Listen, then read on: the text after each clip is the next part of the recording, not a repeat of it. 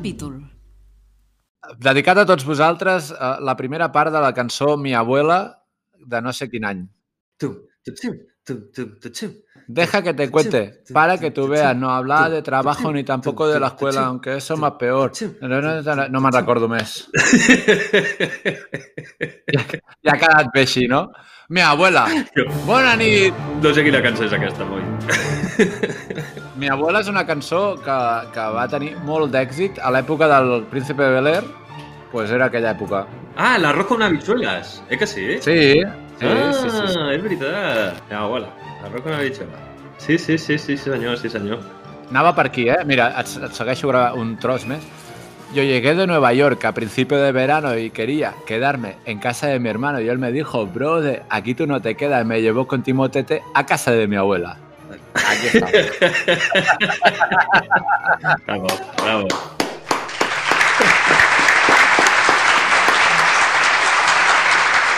Vinga, aquí tenim el rap inicial del capítol 8, no? És això? Capítol... Episodi 8, episodi 8. Episodi o capítol? Són coses diferents? Són el mateix? Uh, api capítol, api, apítol, Capítol. asodi, cap, casodi. Capítol sona que s'ha mort algú, no? Sí, sí, sona una mica xungo. Sí, li direm capítol. Capítol 8 de Guille i Moi Podcast. Semblava que no havia d'arribar mai, eh? 8, 8, 8, 8. Ja, això què vol dir? Que portem dos mesos ja? Carinyo, portem dos mesos. Quina constància, tu. Sí, doncs pues mira, ha durat més que algunes de les meves relacions sentimentals, eh? El podcast aquest. Bueno, està durant, està durant. No vull agafar-lo. He dit, ha durat. No, no, està durant. Està durant i, i més que ha de durar. De moment, eh, capítol 8. Guille, una cosa, el, ho introdueixo aquí perquè crec que és interessant. Escolta'm, per què en el meu mòbil tu et tinc guardat com a Guille Moac? Mira, no ho sé. No, això, això és una pregunta que t'hauria de fer jo a tu, perquè sé que és així, però no tinc ni idea de per què. Per què em tens guardat com a Guille Moac? Perquè Moac ve de petó, eh? O sigui, això estic segur que és de Guille Petó, o Moac, de fer un petó. És això. Però no tinc ni idea, tio, de per què és. Però tenies altres Guilles quan em vas gravar a mi? Perquè això ho deus tenir des de, de quan ens vam conèixer nosaltres fa 20 anys. Mira, el Guille Moac el tinc en majúscula. En majúscula només sou uns privilegiats que vau passar de l'Alcatel One al segon mòbil que vaig tenir. O sigui, tu has estat en el meu primer mòbil. I, I no sé per què et dius Guille Moac, però ho vaig escriure llavors. O sigui, aquest nom està escrit i ha passat de, de generacions en... Ha passat de generacions en generacions, fill meu. La teva herència. Fins a arribar on has arribat ara, a un Google Pixel 3. Un Google Pixel. Sí, I què tal? Doncs pues mira, he tingut una experiència horrorosa amb la garantia que han passat 3 mesos i ho denuncio aquí. Aprofita, aprofita. Canal denuncia. Hola, estamos aquí para denunciar una, un abuso claramente indeseado de la garantía de Google Pixel. Podcast, podcast de servei. Va, aprofita, aprofita, Moi, que tenim una audiència d'unes 40 persones. Va, fot-li. A veure si poder algun d'ells és el d'amo de Google, eh? Això no ho sabem. El meu Google Pixel va començar a fallar la càmera i vaig buscar per internet i es veu que molts Pixel 3 fallaven. Vaig enviar un mail a Google, una trucada, perdó, em van contestar, em van dir que estaven que estamos, estamos trabajando en ello eh, hoy por la mañana, por la tarde, i em van dir que, que si podia fer-ho per la garantia d'Orange. Per unes raons extres no podia fer-ho, per tant vaig passar amb la seva. I em van dir, "Te- et donem dues opcions. O t'enviem un mòbil i quan el rebis tu ens envies el teu i així pots fer un canvi de mòbil i no et quedes sense, o ens envies el teu mòbil i ja està, i nosaltres quan el rebem t'enviarem un. Els dic, evidentment la primera, no? Perquè així no em deixo de tenir mòbil. Clar.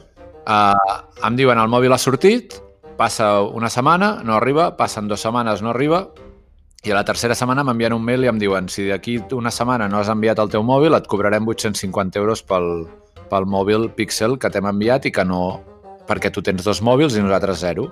Passa una setmana, truco cada dia a Google i els dic jo no he rebut res i em diuen ja, ja, però tu tranquil, tu tranquil, tu tranquil i arriba el dia 28 de no sé què, d'octubre devia ser i 850 euros de la, del meu compte, fora.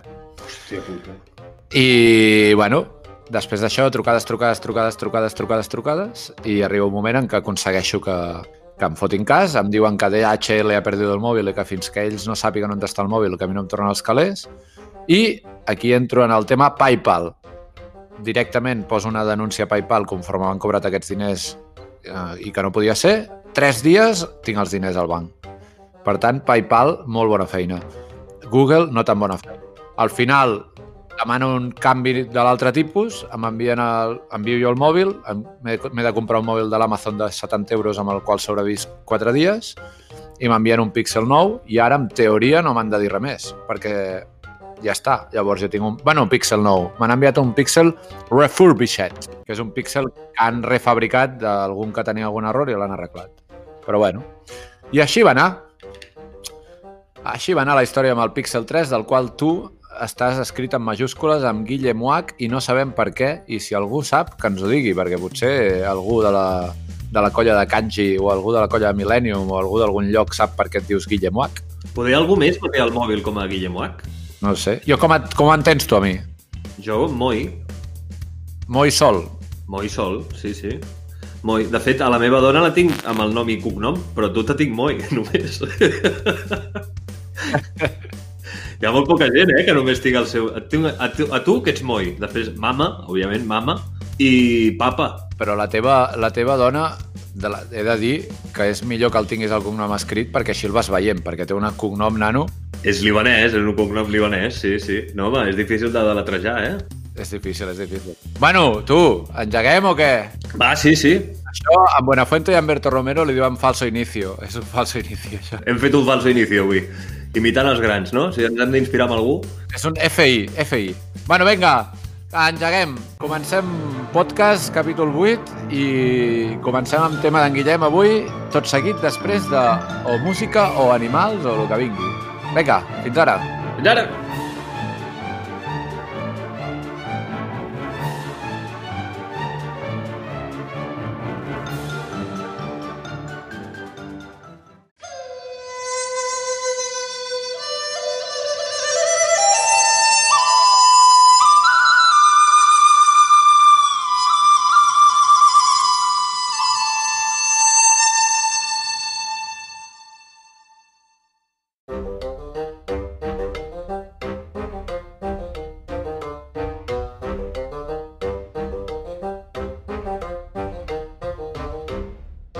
I comença avui el podcast amb el tema d'en Guille. Aviam què ens porta avui. Te- Espera, que primer en Guille ha de fer el... Guille, com saludes tu?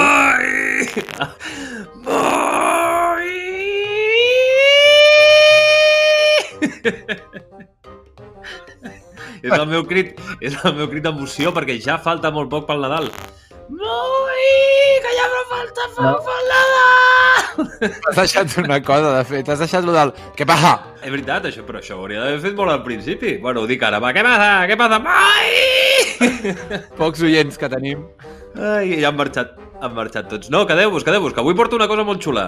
Nadalenca, més. Porto una cosa molt xula, molt nadalenca. Eh, T'agrada el Nadal a tu, Moi? Molt, We m'encanta wish el Nadal. you a Merry Christmas, we wish you a Merry Christmas, noche de paz, fum, fum, fum. És un... no villancico. And all I want for Christmas is you. Has de barrejar, has de barrejar villancicos. Com es diuen villancicos en català? Nadales. Un moment, doncs. All I want for Christmas, los peces en el río. perfecte, perfecte. Com pots veure, Moi, m'agrada molt el Nadal. He passat per fases, eh? Però, perquè hi va haver una època que no m'agradava el Nadal i no sé per què. Suposo que per fer-te el diferent, no? Si tothom li està molt emocionat i tu dius que no, no? Però per sort ja, ja he superat aquesta fase rebel i puc dir que el Nadal m'agrada i el puc celebrar com cal. A tu t'agrada el Nadal, Moi? El Nadal és guai, la la la la la. Fins aquí la meva opini- opinió. Quina és la teva tradició nadalenca preferida? Nosaltres a casa fem l'arbre, L'arbre. l'arbre de Nadal, que durant els dies abans de Nadal pues, van apareixent regals per la família i el dia de Nadal al vespre eh, eh, s'obren els regals. Els regals apareixen, l'arbre els va, els va fent aparèixer allà sota l'arbre. Molt bé, molt bé. Munteu pessebre a casa teu? Bueno, jo quan vivia amb els meus pares, el meu pare era molt aficionat a fer pessebres i havia muntat d'aquests pessebres que es curren allà amb fang i bombetes i electricitat i de tot. Sí, sí. A casa meu nosaltres el que fem, en comptes de que vagin apareixent els regals de Nadal, nosaltres vam decidir fer l'amic invisible, ja, directament, com a alternativa. Per això fer cagar el tio i els Reis Mags i tot plegat, perquè al final fa 50 regalets que són una mica, bueno, perquè no arriba, no? I són una mica merdetes i tothom queda insatisfet, doncs mira, concentrem tot aquest esforç econòmic en una persona i així doncs, té un regal de puta mare, no? Un de, un de la família. Ho fem així, hem arribat a això. Però clar, quan hi ha nens, sobretot a casa, doncs el que volen és allà obrir, no? Això és el que li agrada molt als nens, segurament. Obrir regals. Sí. T'ho confirmo. Feu tio vosaltres o feu reis o què feu vosaltres? Tio a casa no n'he fet mai. Fem arbre de Nadal, fem eh, amic invisible, fem reis i fem i ens intercanviem números a la loteria de Nadal. A la meva família és molt típic això de la meva mare que en compra dos i, i, i diu bueno, què et sembla si ens el partim? I així tot va partit i al final tenim dos euros cada un. Però bueno, mira, va així la vida. Nosaltres fem a casa meu fem molt el Santa Claus perquè bueno, ma mare és de tradició germànica i això, no? a casa nostra fèiem sempre el Santa Claus, que en algunes cases quan anàvem ens juntàvem en família ho substituïem pel tió, però bueno, nosaltres sabíem que era el Santa. No? Jo tenia un problema amb el Santa Claus quan era petit, ara t'explicaré una anècdota personal, que és que el confonia amb l'home del sac. Tenia aquest problema perquè, perquè per la descripció pues, és fàcil de confondre, no? Vell barbut amb un sac al final, eh, més o menys, no? Sí, sí, sí. I era una mica follon perquè, clar, et volen condicionar a que facis coses bones, perquè si no ve un o ve un altre, si barreges aquestes figures positives i negatives... Va, ma mare em deia, per exemple, si, si no calles vindrà l'home del sac. I jo, doncs, de puta mare, regals, no? Però, però intentava no callar. O al revés, no? Te diu, vés a dormir que... i així vindrà el Santa Claus, no? I jo, collonit, no? A casa pensant, hòstia, que vindrà el paio aquell i se m'endurà. Sempre m'havia quedat amb aquest, amb aquest trauma de confondre aquests dos personatges eh, mitològics i un dia, mirant per internet, vaig descobrir que, que el meu error estava ben fundat, perquè resulta que Santa Claus i l'home del sac venen del mateixa, de la mateix conte, de la mateixa llegenda. Txan, txan, txan, txan. La llegenda ens diu que en un poble de Noruega o de Finlàndia o d'Àustria, perquè estic tirant de memòria, no, no me'n recordo, doncs van néixer dos bessons. En un poble del nord. En un poble del nord, de més al nord d'on estic jo, van néixer dos bessons, que els van, anar, els van haver de separar perquè bueno, la família no tenia calés per fer-se càrrec de tots dos, vale? i un el van donar en adopció. Bueno, vaig al gra perquè aquest, això no és del que vull parlar avui, però bueno, ja que estic, Ah, no? ja que estic t'ho explico. Pensava que era el tema. No, no, aquesta, aquesta és una cosa meva personal que vull explicar aquí per, bueno, per no quedar com un tonto, perquè confondre l'home del sac i Santa Claus, pues, eh, bueno, la gent et mira una mica raro, però no, no, veureu que, que té un sentit. Guille, fins ara, avui, si algú ha quedat com un tonto amb temes, i avui serà un tema exemple per el que diré jo i el que diràs tu, si algú ha quedat com un tonto aquí, sóc jo. Per què? Què, què ha passat? Perquè tu expliques coses super heavies. O sigui, jo el més heavy que he explicat ha sigut el tipus de llàgrimes positives. I darrere d'això, tio, tu expliques uns temazos d'història i unes coses espectaculars. Bueno, jo, jo què sé. Ai, ara em fas sentir malament. Vols que parli d'una altra cosa? No, no, per mi, per mi ets un literat. Així continuo, vale? Sí, sí, continua. Bueno, uh, mira, molt resumit, i anant a la part que ens interessa, vale?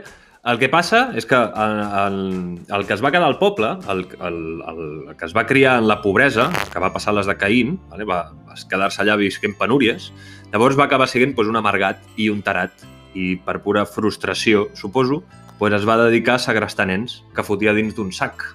Vet aquí l'home del sac. Però el que havien donat en adopció, que el va criar una família així pija i bona, i, i a més a més el tio es va espavilar i va fer fortuna, doncs va voler viatjar al seu poble d'origen per conèixer doncs, les seves arrels, no? que és una que fan els rics adoptats. Que segur que els fills de l'Angelina Jolie això ho faran també quan siguin més grans, que doncs, cadascú s'anirà a una banda del món. No? Uh, llavors, va arribar al poble aquest senyor, no? el, el ric, va arribar al poble i va descobrir que tenia un germà bessó, però que els veïns l'havien matat per allò de segrestar els nens i possiblement menjar-se'ls, perquè abans els contes eren molt fotuts i, i si els segrestava per alguna seria. Llavors, el, el germà bo aquest doncs, es va sentir una, obligat a, a compensar els habitants del poble per totes aquelles canallades que havia fet el seu germà, que de fet no sabia ni que existia. Que jo m'hagués fet el, el, el loco allà, ja hagués dit tu, que jo amb aquest tio no tinc res a veure, que no sabia ni que, ni que havia nascut. Però bueno, el tio aquest, doncs, perquè és molt bo, decideix compensar els veïns i llavors agafa el sac amb el que el seu germà es dedicava a segrestar nens, i el tio l'omple de regals i xutxes i es va per les cases, llavors picant a les portes i donant als nens xutxes que treia del sac aquell on segurament havia mort un cosí del nen. És una mica... És una història amb moltes lagunes, eh? S'ha de dir. Però no és el que hi ha, eh? És una història curiosa de Nadal. I demostra que l'home del sac i Santa Claus són dos cares de la mateixa moneda. Tots dos fan servir el mateix sac, un per unes coses bones i l'altre per coses una mica més xungues, no? Molt bé, doncs mira, el que, jo del que et volia parlar avui, que suposo que sí que es pot vincular amb això, amb això que t'he explicat fins ara, Lo d'abans era un falso inicio, ara estem fent un FFI, un falso falso inicio, i ara comença el tema. ara comença el tema. Devem portar 18 o 20 minuts de programa. Avui el meu és molt curtet. Faré un top, faré un top de les, de, de les tradicions eh, nadalenques més curioses que he trobat pel món. Què et sembla? Un top 5. Vols fer-me presentacions o vaig, o vaig tirant? Fot-li, fot-li, fot-li pel dret. Vale, en el número 5. Començarem per Noruega, on és tradició amagar les escombres. A Noruega és tradició amagar les escombres per Nadal perquè, per desgràcia pels noruecs, el Nadal coincideix amb el dia d'arribada d'esperits malignes i de bruixes. Llavors, abans d'anar a dormir, s'han d'assegurar d'haver amagat bé totes les escombres que tinguin per la casa. No fos cas que una bruixa pues, se sentís atret per una escombra i es colés eh, dins de la casa. Si a casa meva, el dia 25, no hi hagués escombres, i no puc dir més perquè és un secret familiar, seria un drama. Necessitem escombres el dia 25. I no puc dir res més. Potser, potser aquest any hi haurà un vídeo a Twitter o al nou compte d'Instagram que s'està creant. No ho sé. Segueix, top 5. Noruega, s'amaguen les escombres. Sí, uh, m'he quedat ara una mica eh, con el culo torcido, eh? Què, què vos, per què necessiteu escombres? Bueno, ja, ja ho explicaràs, suposo, ha arribat el moment. En el número 4, va, uh, ens anem cap a Caracas, a Venezuela, on la gent va a la missa de l'Aguinaldo, va amb patins. Què et sembla? Que allà... Bueno, jo pensava que aniria amb banyador, perquè a Venezuela deu fer una calor el dia 25 de desembre que flipes, però deuen anar amb patins i banyador, tot. Això no ho sé, i de fet no, tampoc he sabut trobar per què la gent va amb patins a l'església, però ho fan, ho fan tants que, que tanquen carrers de, Cara, de, de Caracas perquè la gent pugui, bueno, perquè el trànsit no molesti i puguin anar patinant tranquil·lament fins a l'església. Està bé. Què et sembla? Los Beatos Skaters. Skater Saints. Holy, Holy Rollerblades. Skater Saints, go marching in. Skater Saints, go marching in.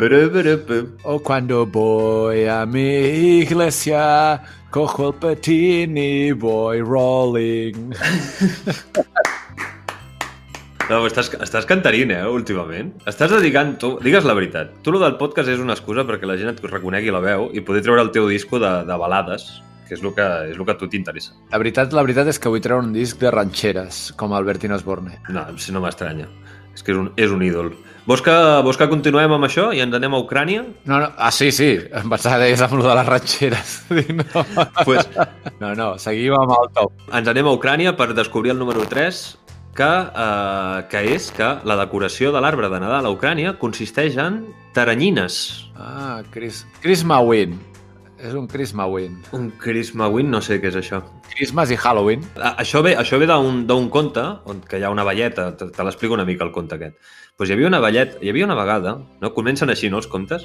Hi havia una velleta, no comença. Hi havia una vegada, una velleta, no una velleta de, de netejar, una velleta d'una una senyora gran, Em pensava que una vella, em pensava que era un Sponsex. una velleta B, B baixa E. Hi havia una velleta que, que era molt pobra i que no tenia com decorar l'arbre de Nadal, no tenia per comprar guirnaldes i comprar boles i estrelles i coses d'aquestes. Llavors, durant la nit, una aranya li va decorar l'arbre, li va teixir la taranyina aquesta gegant i preciosa al voltant de l'arbre. Llavors, bueno, va fer aquesta decoració que és més, és més eco, no? I de, i de proximitat. És com aquella història del sastre aquell que no podia fer sabates i li cosien uns ratolins o alguna així, no? Pues els animals aquí es confabulen perquè aquesta velleta pugui, pugui tenir un Nadal. I des de llavors pues, s'ha instaurat aquesta tradició de posar eh, això, taranyines de plàstic als arbres. Tens allà les boles, les guirnaldes i taranyines. Ucrània, Guille, uh, només et diré un nom i has de recordar-lo, eh? Rebrov. Home, clar que recordo Rebrov. És mític jugador de, de la selecció ucraniana. I el millor fitxatge que podies fer al, al, al Pro 6, no sé quin era, a l'ISS, no? Partidazes allà a la Play, en el càmping amb en Rebrov, cridant com bojos amb Rebrov. I Shevchenko eren els dos que teníem. Era boníssim aquell, aquell tio. Sí, sí, Liga Master. Tu, va, ens movem al número 2, Va. que no vull allargar més això. I en el número 2 ens desplacem poquet ara, anem a la República Txeca, on és tradició que les dones solteres, pel Nadal, facin un ritual d'aparellament, que consisteix en... es posen d'esquenes a la porta d'entrada de casa, es treuen una sabata i la llencen per sobre de l'ombro. Si la sabata cau, o sigui, la punta de la sabata cau mirant la porta, és que aquell any trobaran marit. I si el que queda mirant la porta és el taló, doncs mira, doncs tindran l'ocasió de realitzar-se per si mateixes no? i ser persones complertes. Que, bueno, entenc que la, la, se suposa que l'opció bona és que quedi la punta i trobis marit, però bueno, coneixent els tios, em sembla que... Bueno, actualment podria ser de, de qualsevol sexe ja, vull dir que podria ser qualsevol cosa, marit, parella, muller, el que vulguis dir-li, és igual. La qüestió és que si se't queda el taló, eh, el que t'has de comprar... T'has d'apuntar, t'has de fer el premium del, del... Com es diu allò per lligar? Del Tinder, no? Sí, ja està. Vinga, i anem al 1. El número 1. Uh. Número 1, per tancar el nostre top d'avui, top nadalenc. Viatgem, evidentment, si estem parlant de coses estranyes, doncs viatgem al Japó, on una campanya de màrqueting va convèncer a tots els japonesos que el, el millor i el més tradicional de fer el Nadal és anar a dinar al Kentucky Fried Chicken. Va, no pot ser això. Pollo... Pollo... Pollo frito. Pollo... Ai, perdó. Pollo frito per Nadal. Hi ha tanta demanda avui que els japonesos han de reservar setmanes abans per trobar taula al Kentucky Fried Chicken i no donen a l'abast, tio. Hi ha, hi ha aplicacions de mòbil específiques per donar, eh, per portar cubells en les dates nadalenques, cubells de pollo a, la, a les famílies. I això va aconseguir una, un anunci de la tele. Què et sembla? Que els japonesos estan molt malament. Happy Chicken Christmas. De totes maneres, eh, fora de top, perquè això és una cosa que es mereix un top a part, tenim el, el, la menció d'honor o, el, o el, bueno, el tio amb el que no es podia competir. M'he documentat en mirant pàgines estrangeres, ¿vale? i tothom coincideix que la tradició més rara de tot el món és el caga, tio. Precisament, precisament que a nosaltres no ens ho sembla perquè és d'aquí. Però clar, imagineu, mira-ho des de fora, no? Que és una, és una moguda una mica xunga, eh? Donar-li mandarines a un tronc uns quants dies i després fotre-li d'hòsties amb un pal fins que te caga una PlayStation 5. la veritat, és fotut, eh? Tot comença que el vas a buscar al bosc i que t'està esperant allà al mig. O sigui, ell està amb la barretina mirant-te des del lluny, des de la llunyania, et mira i et diu eh, vull venir a casa teva. El fiques a casa, li, el tapes amb una manta, li fiques unes quantes mandarines o kiwis o canelons o xutxes o el que sigui, és igual.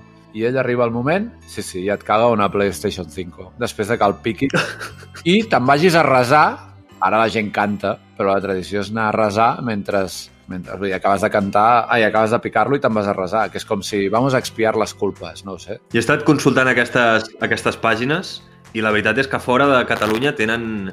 Bueno, els, els hi crida l'atenció la fixació que tenim els catalans amb la caca, no? Aquesta, aquesta relació Catalunya-caca, perquè a totes aquestes pàgines també parlaven de la figura del caganer, que també, si ho penses, és molt raro, perquè ha nascut allà el rei de reis, eh, el Salvador, el fill de Déu, i hi ha un tio allà amb barretina al costat, darrere una pedra, amb pantalons pels turmells. I que a vegades, que a vegades és el Romario, a vegades és el Johan Cruyff. Sí, sí, la, qui, to, qui tocarà aquest any? Quin serà el caganer estrella d'aquest any? Home, jo crec que el, el, el nano de les... El juez Lamela, aquest? No, l'altre, el del, el del coronavirus, el senyor del cabell blanc. Qui és el del... Ah, el ministro, aquest. Sí, el que surt. Hola, buenas noches, vamos a explicar cómo está la situación. Muy Ah, ese, ese que habla así, que está, está cogido, está cogido del cuello. aquest, ah, no me recordo com es diu aquest tio. Pues sí, sí, segurament, segurament serà. Bueno, eh, tot això ve a demostrar que la relació aquesta Catalunya-Caca pues, ens fa pues, una nació diferent. Com una nació diferent. Que bones festes i visca la caca.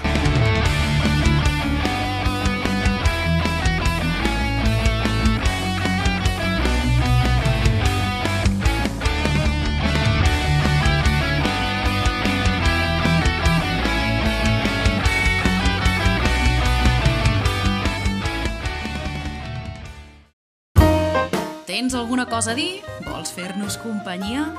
Envia els teus missatges de veu a ja.cat barra Guillemoy SMS.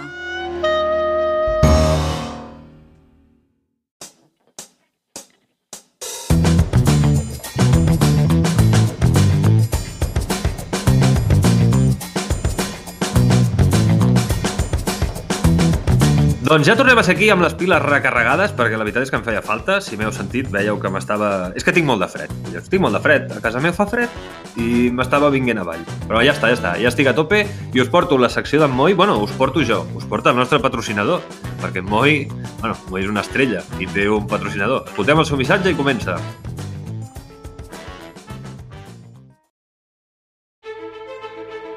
Patrocinado por Termómetros Paco, culo, boca y sobaco.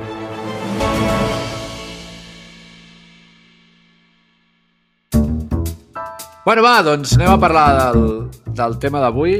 Jo avui... Un moment, un moment, un moment, un moment, un moment, un moment. Et patrocina, et patrocina uns termòmetres? Jo no havia sentit sigui- això. Et patrocinen uns termòmetres, Moi? És la millor època de la història dels termòmetres, perquè tothom necessita termòmetres i ara just fan publicitat, tio. No havia sentit mai publicitat de termòmetres i ara, ara fan publicitat. O sigui, hi ha Pfizer, Moderna i Paco. La tercera, la tercera gran empresa de, de producte farmacèutic. Paco Thermometers. Perdó, no vull riure'n del nostre patrocinador ni molt menys, eh? Només és que m'ha... Hòstia, m'ha fet gràcia, no, no m'ho esperava. Vale, vale. Bueno, va, vaig amb el tema. A veure, ja fa uns dies que això m'escama perquè tot va començar amb el amb l'HS, que ara li estic ensenyant a en Guille perquè ens veiem. L'HS era el mític xampú 2 en 1, que era xampú anticaspa i acondicionador. I això ja va fer una revolució, perquè la gent es posava normalment el gel al cos, dic normalment perquè jo sóc dels que m'embolico tot el cap de sabó i després em netejo tot sencer, no, em fa bastant de pal fer servir dues coses diferents, però de petit sí que la meva mare em donava l'esponja, tot el rotllo i tota la història, no? Però, bueno, va, va haver un moment que va aparèixer el 2 en 1 HS i la cosa va anar evolucionant, evolucionant, evolucionant, fins a on he arribat avui, que és que L'Oréal Paris Men Expert ha creat el Total Clean, que és un 5 en 1. I 5 en 1 és molt en 1. Caram, la navaja suïssa de los, de los xampús, no? A més, és una cosa que és totalment impossible. O sigui, no s'entén, perquè resulta que el que aconsegueix que sigui un 5 en 1 i que serveixi per pràcticament tot, que després ho diré, és que porta carbó, que és la cosa més bruta de És el primer gel de ducha multiacción potenciado con carbón para cinco acciones en un solo gesto. Siente el poder del carbón. I fa cinc accions.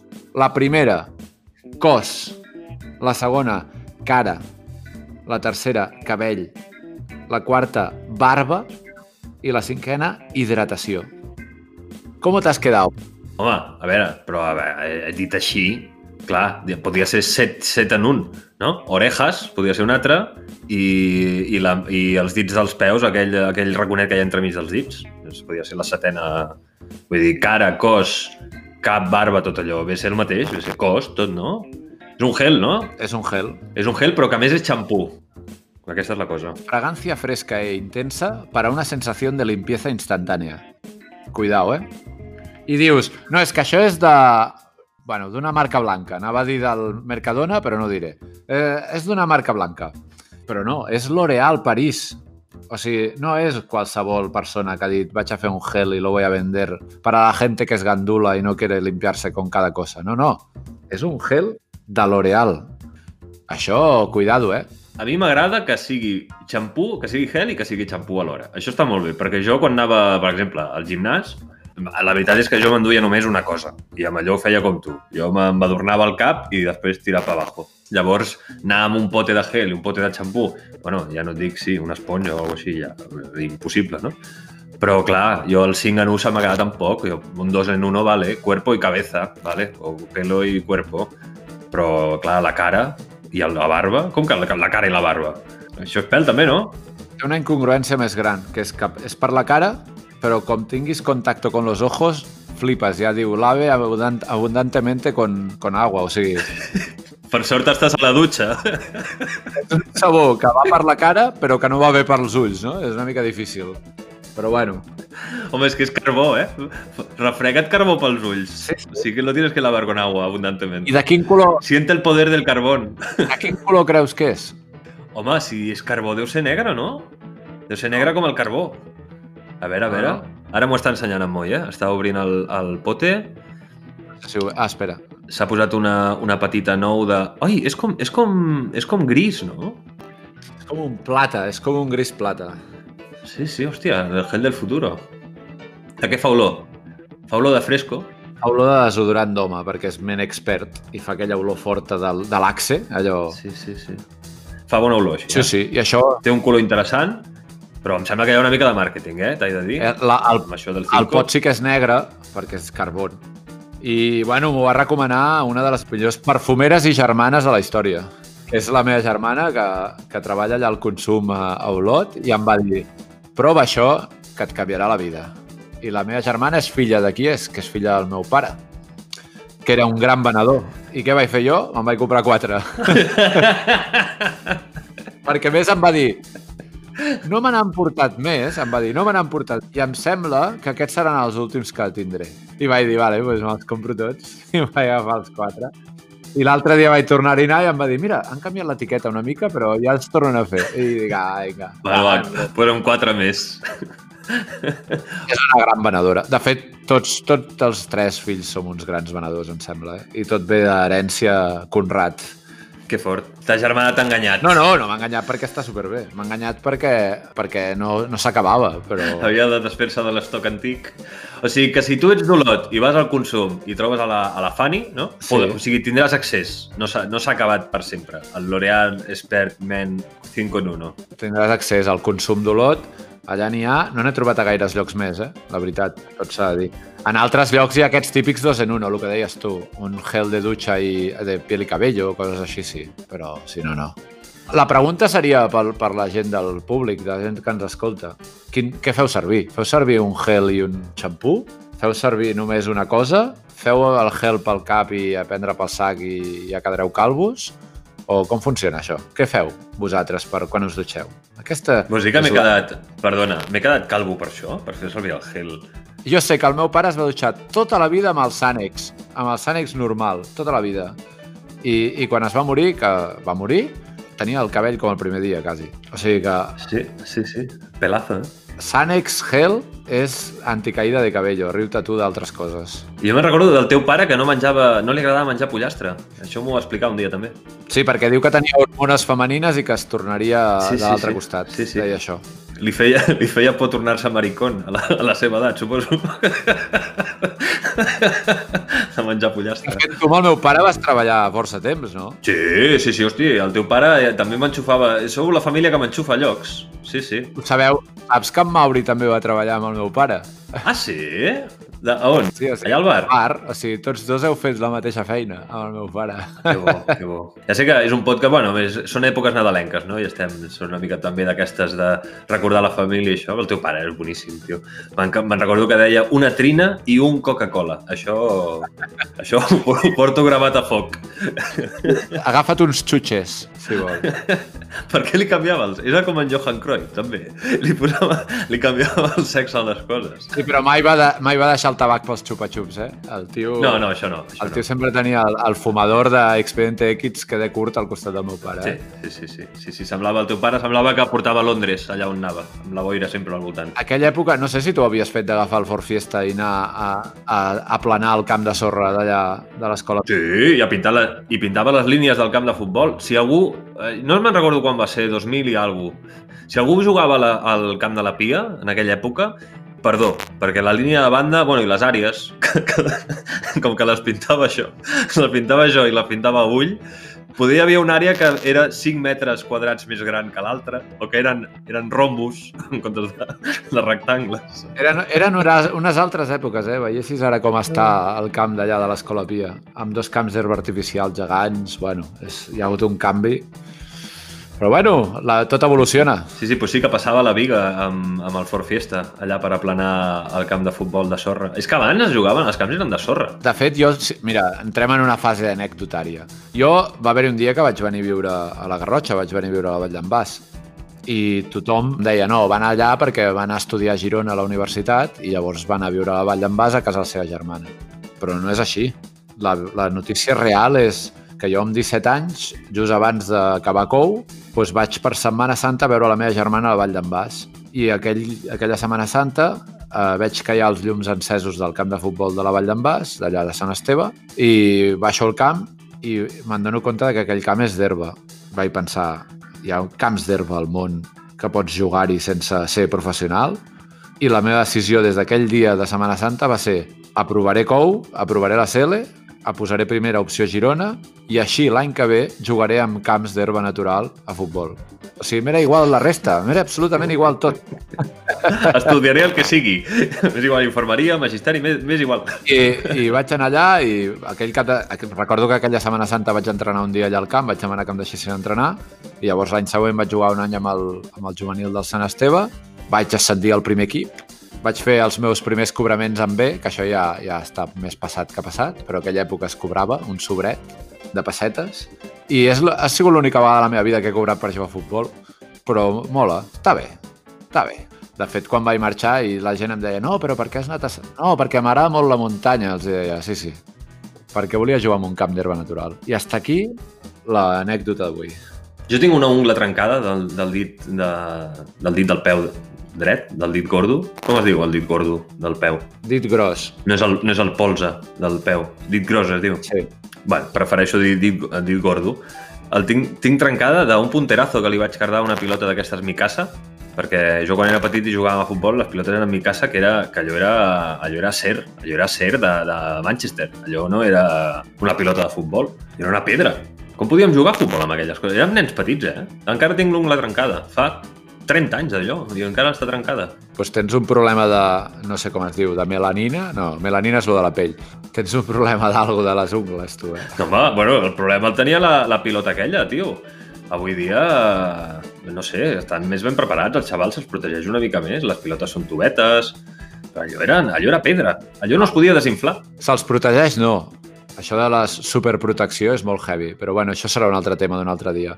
Tu hi eres el cap d'any que vam treballar a Millennium i vam acabar a la pista de davant del McDonald's jugant un partit de futbol abans d'entrar al McDonald's a esmorzar? Tu, tu hi eres en aquest dia? Mm, No, no sé. si hi eres. Vam anar a Millennium, de Millennium vam, anar, vam plegar a Millennium i vam anar a una mena d'after fiesta de cap d'any que va durar fins a les 10 o les 11, que estava perduda en un bosc, en una casa, no sé on. I quan vam acabar d'allà vam treure una pilota, ens en vam anar a aquella pista que hi ha al costat del McDonald's de Girona i vam estar allà jugant fins les 12 del migdia sense haver dormit res i després vam anar a fer un esmorzar a dinar al McDonald's. No sé si hi eres. No sé, pot ser. Vaig treballar un any en, una, en un golf, el golf de... no sé on estava, allà al costat de Girona hi ha un golf, no sé, Sant Sí, Julià. de- el gol de Girona. no sé, bueno, i vaig fer un cap d'any allà i va venir un tio i em va dir un, com es deia el whisky aquell tan bo? No sé. Sí, aquell que era tan famós. Cardú, poder. Sí, el cardú. Em va demanar un cardú, si us plau. Li vaig posar i davant meu el va buidar a terra i va dir un cardú, si us plau. Això és barra lliure i puc fer el que vulgui. Que, que imbècil, no? Aquellò m'ha quedat gravat a la ment. Però bueno, és la vida, tu. Bueno, ja està. Eh, hem començat parlant de xampús i estem amb cardú. Vull dir que... Avui és un dia raro, eh? Avui és un dia raro. Fins aquí el meu tema d'avui i, bueno, posem una musiqueta, unes cabres, unes vaques, el que vingui ara i ens fem una última xerradeta abans de plegar. D'acord? Va, una cabra, una cabra ara.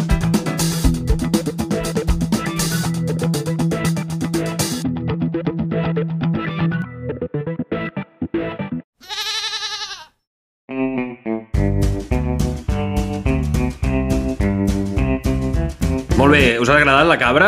La cabra és un, és un hit, eh? M'agradaria saber si us agrada més la cabra o us agrada més la vaca. Però bueno, això queda per un altre dia. No farem més preguntes avui, que tenim prou amb lo de la dutxa, si feu servir el gel i el xampú i tot això. El que volia dir, abans que se m'oblidi, ens és igual qui és el major seguidor. No, no ens importa, vale? perquè hi ha una disputa interna i externa de gent que diu que ells són el número 1 seguidor. És igual. Us estimem a tots per igual. Això és com els fills. És igual quin sigui el gran, el petit, te'ls te estimes a tots. Nosaltres us estimem a tots. O que Willy, Vero, uh, qui és aquest que vas dir tu que era el nostre seguidor número 1 l'altre dia? Que va guanyar el concurs de, de Twitter. Andesi. Andesi. Moltes gràcies a, a tothom que ens escolta, a les 40 i pico, 50, 60 persones que ens escolteu. Us estimem a tots. Encara que no digueu mai res, us estimem a tots. No, deixeu de barallar-vos. No volem, no volem bronca, al contrari. Vale, ja està. Només volia dir això. De fet, hi haurà... Una de les coses que proposarem serà que quan s'acabi tot el tema aquest de confinaments i històries, farem un dinar popular Guilla i Moi. Jo crec que l'hauríem de fer amb tots els seguidors i, i gravarem aquell dia el capítol en directe des del dinar. Farem això. Hòstia, estaria, estaria molt bé. Això ho posarem sobre la taula de que quan s'acabi tota la història eh, farem un Guilla i Moi en directe. Una calçotada. Perfecte.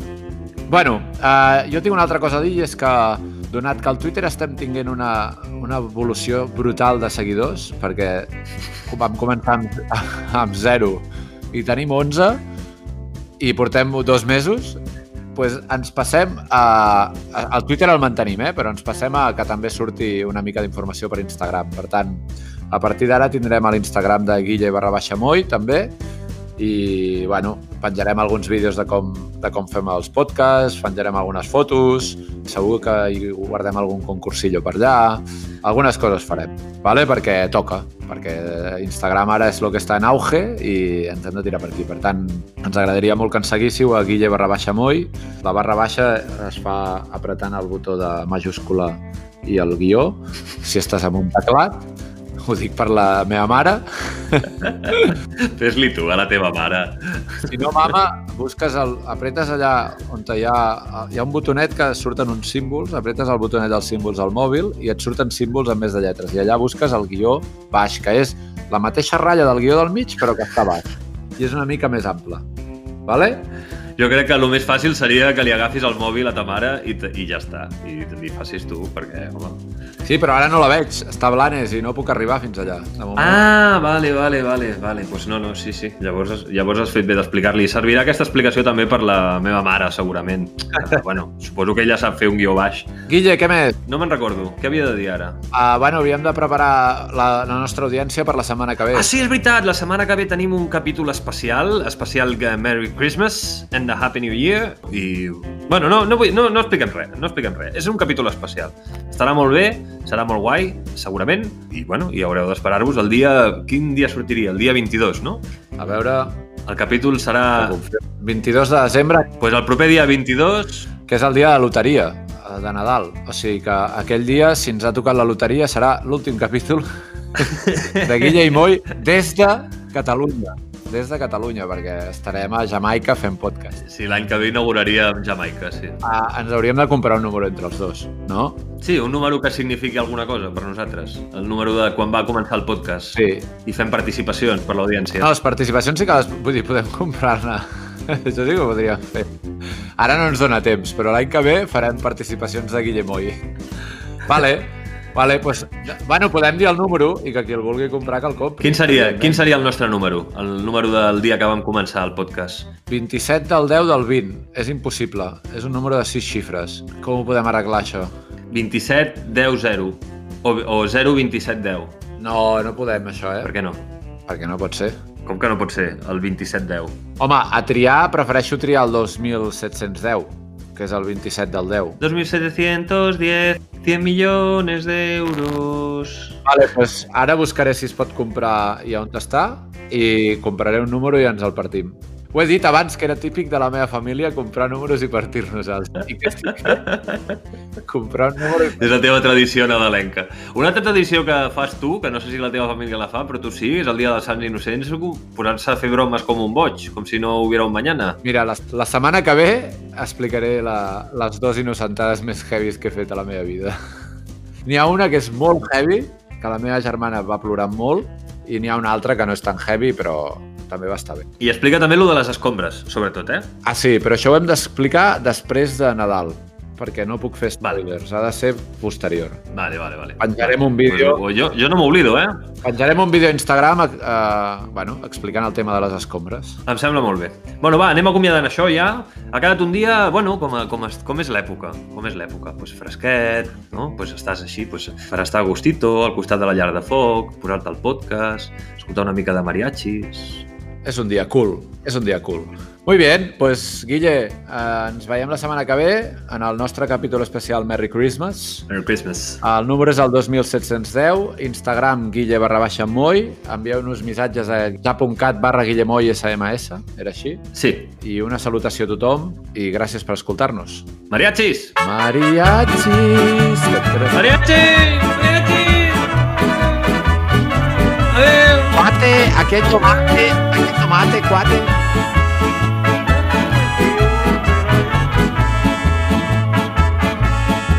Yo voy a cantar esta canción, yo voy a cantar esta canción para mi gente.